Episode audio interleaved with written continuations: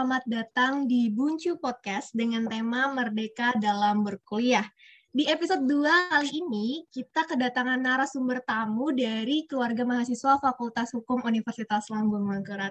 Salam kenal, saya Rizka Mulyani bersama dengan dua narasumber hebat kita, yaitu Karahim dari Dewan Perwakilan Mahasiswa Fakultas Hukum Universitas Lambung Mangkurat, dan Kak Uswa dari Badan Eksekutif Mahasiswa Fakultas Hukum Universitas Lambung Mangkurat. Selamat datang untuk para pendengar Buncu Podcast. Oke, kita JB-JB dulu nih dengan dua narasumber tamu kita kali ini. Halo Kak Rahim, gimana nih kabarnya hari ini? Alhamdulillah nih saat ini sedang tidak baik-baik saja. Oh, seperti cuaca hari ini ya Kak, sedang tidak baik-baik saja. Nah Kak Uswa nih gimana kabarnya hari ini si cantik pada pagi hari ini? Alhamdulillah sehat walafiat diberikan uh, kelancaran untuk hidup lagi, kelancaran untuk bernapas. Untuk Kariska sendiri gimana nih? Sehat aja kan? Alhamdulillah di mana pun sekarang tuh kita harus tetap menjaga kesehatan ya kan karena ya kita nggak tahu cuaca, virus atau siapa yang bisa membuat kita sakit dan pas banget nih untuk pembicara mendengar kita di mana pun berada tetap jaga kesehatan, salam sehat. Nah, syukur banget kita masih diberikan kesehatan, kesempatan buat uh, kita recording untuk Buncu Podcast LP2DH pada hari ini. Tema kita kali ini terkait dengan merdeka dalam berkuliah nih.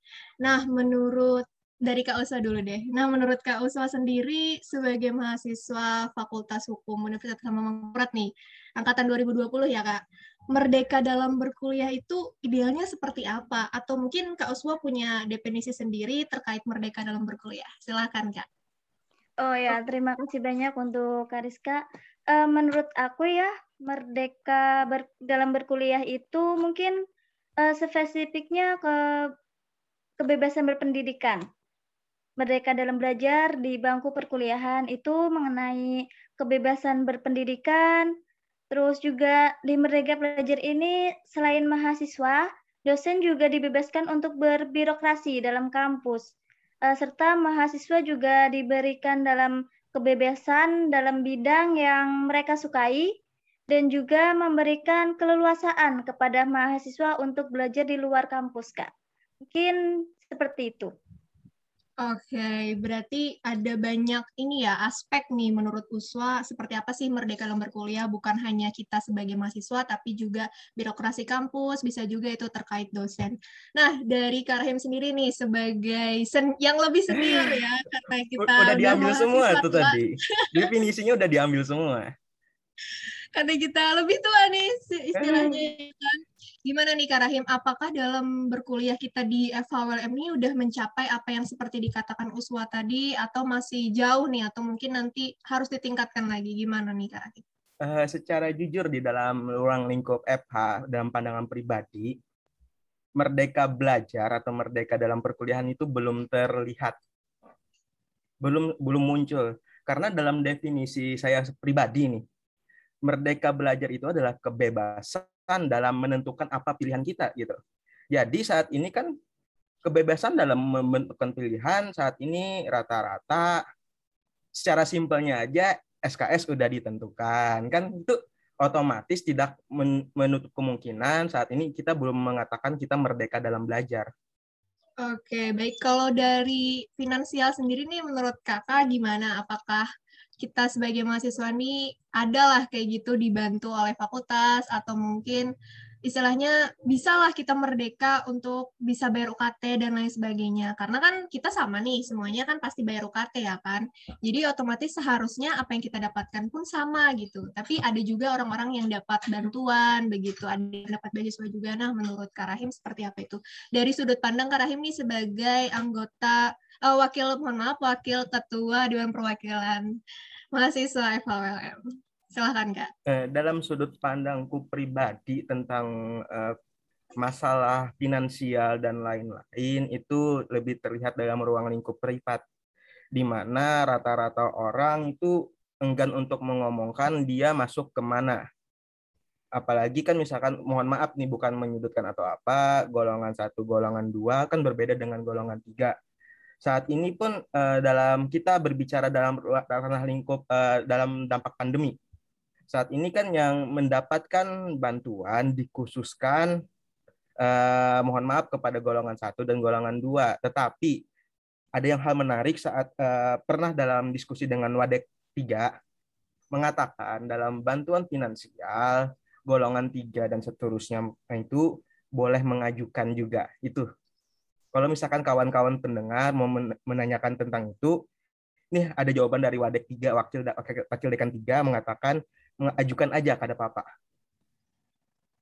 Iya, benar banget. Aku juga pernah nanya tuh sama salah satu staf di bagian kemahasiswaan. Memang sebenarnya terbuka untuk semua golongan, cuman mungkin di surat edaran itu kayak di wabil khusus gitu ya untuk yeah. golongan satu, golongan dua. Tapi sebenarnya nggak menutup kemungkinan juga untuk golongan di atasnya yeah. bisa eh, sedikit sebab sebab yang terdampak ini kan bukan golongannya tetapi eh, kerja daripada orang tua. Betul, betul, ya. betul, betul banget Kak Rahim. Oke nih, karena bahas UKT nih ya, bahas dana-danaan nih. Eh, Kak Uswa sendiri nih, apakah ada nih kegiatan mahasiswa yang mungkin terdampak nih dengan adanya pandemi ini? Kan kebanyakan kita online ya kan, tapi apakah itu juga berdampak dengan pendanaan apakah jadinya karena pandemi ini pendanaan kita dipotong atau mungkin dikurangi dan itu rasa-rasanya jadi menghambat kita nih untuk berkegiatan gimana Kak Uswa? Um, jadi untuk saya sendiri untuk berkegiatan dalam kampus itu mungkin untuk pendanaan tidak ada pemotongan sebab uh, lebih ke izin ya. Jadi apabila karena apabila tidak diizinkan, lalu pendanaan dari kampus itu tidak cair, tidak hmm. dapat diproses. Nah, begitupun apabila ada kegiatan secara online nih, Kak. Karena mungkin dari online sendiri pendanaan atau pengeluaran biaya itu tidak terlalu banyak dan juga mungkin uh, lebih ke izinnya, Kak. Diizinkan oh. online serta pendanaannya juga sedikit untuk pengeluaran. Mungkin gitu, Kak. Hmm. Berarti nggak ada sama sekali kegiatan offline ya yang diizinkan oleh kampus gitu, Kak Uswa? Uh, mungkin lebih tepatnya untuk di dalam kampus itu oh. belum diperbolehkan. Apabila di luar kampus itu seperti ada surat untuk uh, petugas COVID-19, hmm. mungkin ada beberapa surat itu pun di uh, luar kampus. Untuk di dalam kampus sendiri sampai sekarang masih menentukan uh, PPKM, Kak. Oh iya, betul. Karena memang uh, kampus kita juga salah satu yang terdampak sekali karena banyak sekali tuh yang uh, beberapa ya yang ya hampir ditutup bahkan kemarin ya karena saking banyaknya. Nah, uh, masih di Kauswan nih. Kalau dari Kauswan nih sebagai kepala apa sih namanya kepala departemen ya? Atau sekarang ketua Adkesma? Uh, ya, kepala departemen advokasi oh, mahasiswa kepala departemen ya. Nah, dari Kausa sendiri tuh karena setahu aku ya, Adkisma kan lebih kepada kesejahteraan mahasiswa nih. Apakah ada mahasiswa nih yang pernah curhat nih dengan Kak Uswa, eh aku ngurus bantuan tapi kok nggak lulus-lulus ya? Apakah ada Kak yang seperti itu atau gimana? Uh, untuk saat ini mengenai pengurusan bantuan UKT ataupun penurunan UKT itu mungkin lebih tepatnya untuk membantu Kak. Untuk curhat curhat itu lebih ke membantu bagaimana sih cara mengurusnya bagaimana cara pengajuannya terus kita kriteria apa nih yang bisa uh, memprioritaskan bahwa kita itu diterima dalam bantuan penurunan UKT gitu kak.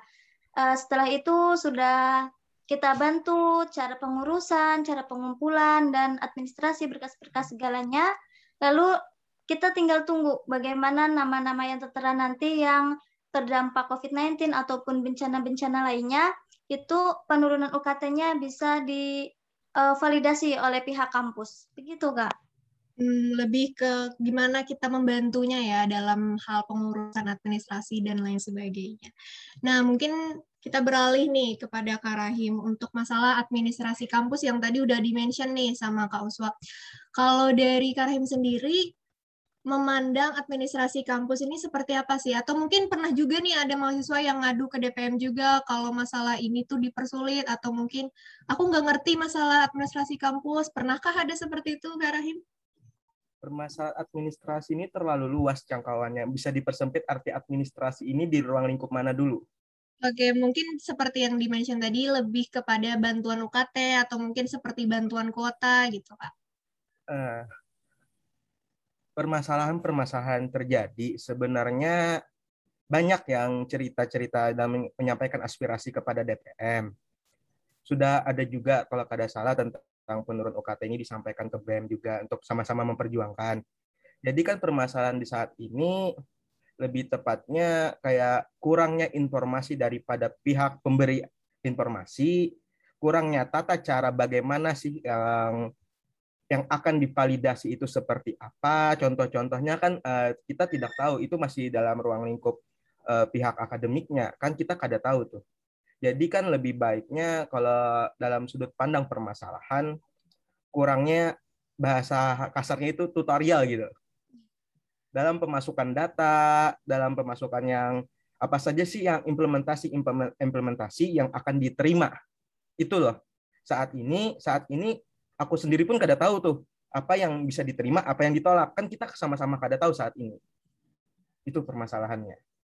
Karena mungkin uh, dari pihak kampus sendiri tuh punya filter sendiri ya, iya. yang tidak dibuka gitu loh ke mahasiswa. Bag yang mana nih yang bisa kita masukkan, yang mana nih yang nggak bisa iya. kita masukkan gitu.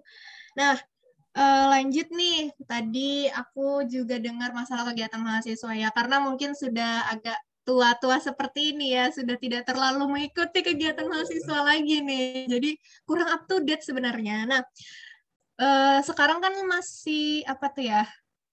Lagi viral-viralnya nih bahwa kuliah bakal tatap muka karena sudah diizinkan ya untuk tatap muka di beberapa daerah bahkan sudah ada yang uh, satu hari kuliah tatap muka gitu satu seharian. Nah, kalau kampus kita sendiri itu apakah sudah ada edaran seperti itu atau sudah dirapatkan, sudah dibicarakan sebagainya? Mungkin dari Kak Oswa dulu deh. Udah ada info seperti itu belum Kak Oswa? Uh, itu info yang sudah termasuk terkenal, famous itu pada bulan Juli kemarin, Kak. Iya. Uh, awal-awal semester itu kan banyak nih ada surat edaran bahwa Juli itu sudah memasuki uh, secara offline ataupun hybrid. Yeah. Nah, ternyata mungkin kembali lagi Kak dengan keadaan apa yang kita rencanakan nah, tidak sesuai dengan ekspektasi Kak. Uh, bisa nanti kita online kembali, tapi untuk uh, semester ke depannya ataupun progres dalam perkuliahan untuk ke depannya itu kembali lagi untuk um, melihat situasi dan kondisi dan juga dari Kemendikbudnya Kak kan ada beberapa kriteria nih yang boleh eh, masuk secara offline ataupun hybrid. Yang pertama ya memang karena itu sudah zona hijau dan juga atau sudah mahasiswanya itu sudah merata vaksin.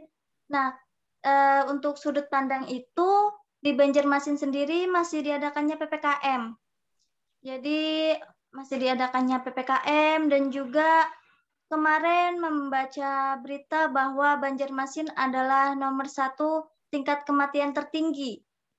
Nah, itu tuh bisa jadi pemicu bahwa tidak menutup kemungkinan untuk online kembali dan ya 50-50 Kak.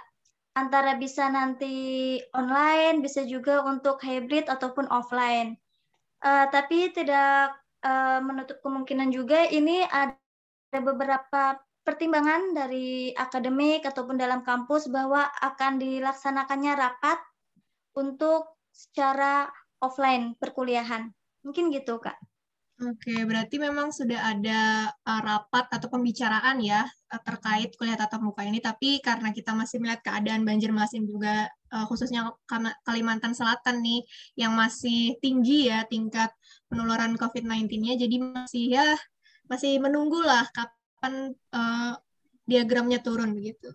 Nah, ke Rahim nih, kalau sekarang kan kita ya hybrid seperti yang Uswa bilang tadi ya. Tidak semuanya online, tapi juga tidak semuanya juga offline gitu loh. Nah, kalau dalam mengurus seperti halnya mungkin surat keterangan, itu kan kita harus datang sendiri tuh, Kak, di bagian kemahasiswaan ya. Jadi kita harus datang langsung tuh, otomatis kan kita istilahnya uh, secara offline gitu loh. Nah, menurut Karahim sendiri, apakah ada nih yang mahasiswa yang keberatan dengan kebijakan seperti itu? Mungkin karena ada beberapa yang di luar daerah juga kan, takut mungkin ke Banjarmasin atau nggak dibolehkan orang tuanya, sehingga terkendala dalam mengurus administrasi, hal-hal administrasi seperti itu. Dari Karahim mungkin seperti apa, Kak? Nah, ini mungkin sedikit cerita dulu lah. Ya, boleh, boleh, Kak. Uh, waktu DPM ada kunjungan ke Wadek 3, dan aku sempat membahas tentang akademik, tentang uh, bahasa anunya. Saat ini kan kita di sistem akademik itu ada dua sistem. Sistem pertama sistem offline yang langsung datang, sistem kedua yang daring secara WA ataupun secara uh, Telegram kalau ada salah yang terbaru kan.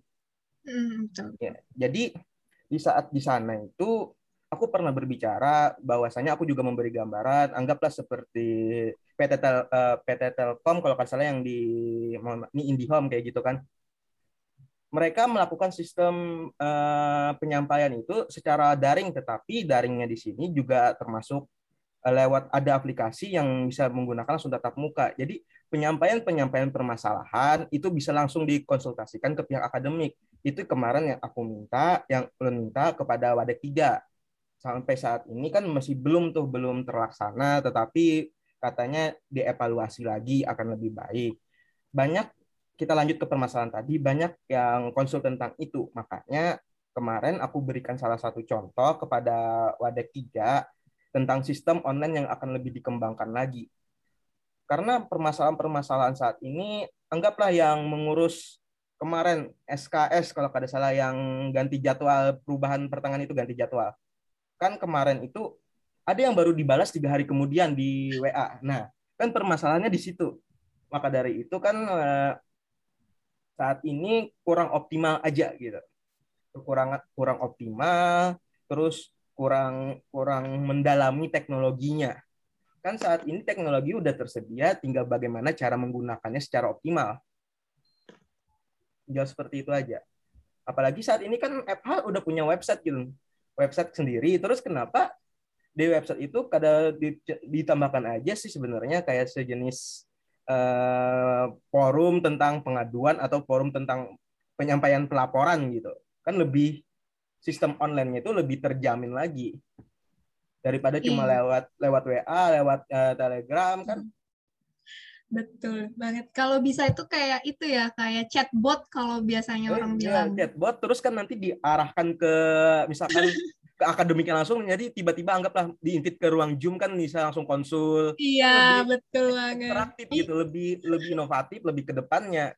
Betul, betul. Jadi kayak ya tidak terasa online gitu loh ya terasa yeah. kita ngomong langsung sebenarnya dan itu lebih mudah memang karena uh, urusan administrasi kampus itu kan tidak bisa kita anggapannya seperti kita, kita juga kita ada uh, yeah. ada juga yang dia bisa ngomong gitu langsung ada juga yang dia nggak pede gitu ngomong langsung. Jadi nggak semuanya bisa di online kan sebenarnya seperti itu. Semoga, tapi keadaan kita seperti ya, ini.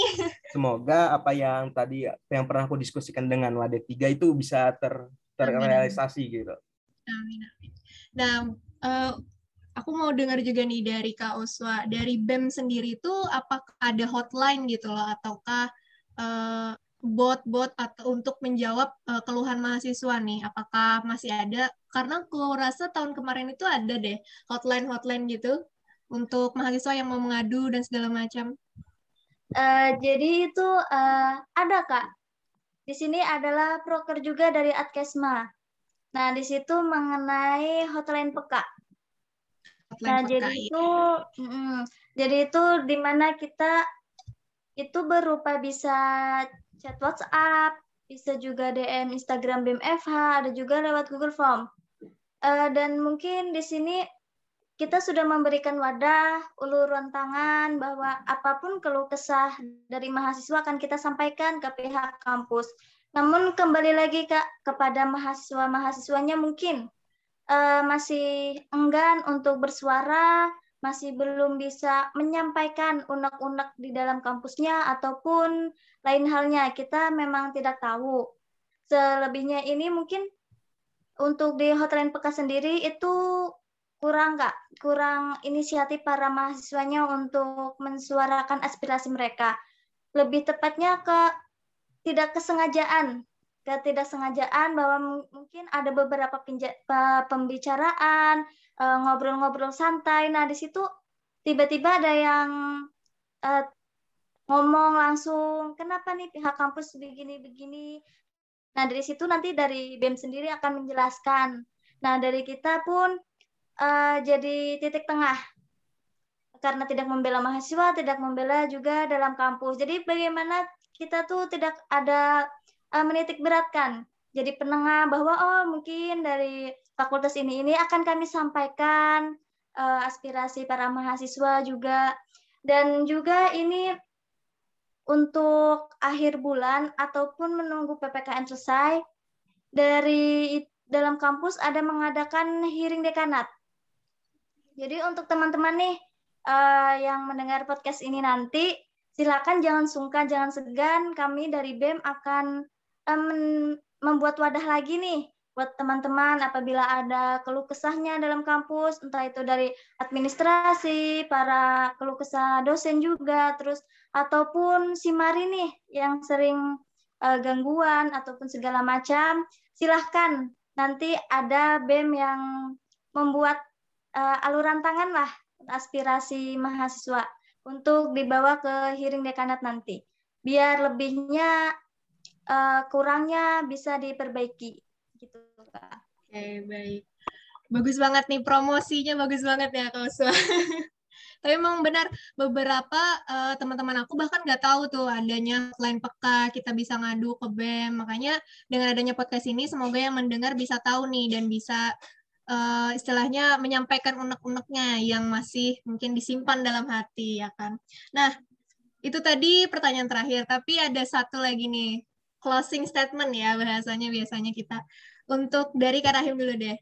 Sebagai seorang mahasiswa yang juga aktif berorganisasi, Kak ya, seperti apa nih saran Kakak atau mungkin masukan kritik terhadap kampus kita nih? Karena apa pun itu, apa pun yang diungkapkan oleh mahasiswa juga untuk perbaikan kampus ke depannya. Silahkan, Kak. Susah ini kita harus kayak gini ya sebenarnya. Tapi aku nggak mengeritik dari pihak kampus dari pihak mana pun, tapi aku mengeritik daripada sudut pandangku. Mahasiswa FH ini saat ini banyak orang-orang cerdas, banyak orang-orang yang lebih dari kata pintar, tetapi mereka banyak diam. Kuharap kawan-kawan yang seperti itu nantinya bisa lebih mengeksplor lagi dunia FH. Lebih berkarya lagi di FH, karena bukan kampus yang memberikan apa ke kita tapi kita akan memberikan apa ke kampus gitu. Keren banget keren banget keren aku serasa ditampar ya. Kalau terlalu banyak diam nih katanya. Oke, langsung ke Kak Uswa nih. Kalau dari Kak Uswa nih sebagai istilahnya masih uh, fresh graduate ya, masih mahasiswa baru bagaimana perasaannya nih ketika uh, masuk ke Fakultas Hukum dan mungkin apakah punya saran juga nih Kak Aswa terhadap kampus kita? Silakan Kak Aswa. Jadi uh, close statement ini bagi aku sendiri ya Kak, pribadi juga mungkin dari teman-teman nih yang masih fresh kan, masih di semester 3, uh, eh, kita boleh muda, kita boleh muda tapi kita tuh uh, tidak boleh acuh kita boleh muda tapi kita tidak boleh acuh. Yang uh, lebih spesifiknya, spesifiknya kita itu harus peka. Entah peka dalam permasalahan kampus, peka dalam diri sendiri. Bagaimana sih uh, untuk ke depannya yang lebih baik lagi. Jadi kita tuh harus peka. Anak kuliah itu harus peka. Juga jangan apa ya? Jangan takut untuk speak up, untuk berbicara karena dari berbicara kita akan tahu. Eh, mungkin uh, selebihnya itu aja. Oke, okay, benar kita Boleh, kita boleh muda, tapi kita tidak boleh acuh. Benar kita banget. harus peka, kita harus pick up gitu. Betul. Karena karena kita masih muda, itu adalah kesempatan kita untuk peka. Ya kan, Kak Uswa? Karena nanti pas udah Nah, tua, betul kita nggak Kak. kepikiran lagi tuh. Lain peka, itu adalah tempat kita untuk belajar gitu. Wah, betul, betul. Karena kita tetap harus belajar, apalagi Pak waktu masih usia-usia produktif seperti ini ya, harus banyak lah kita menggali-menggali ilmu, menggali belajar terus lah, pokoknya berproses terus.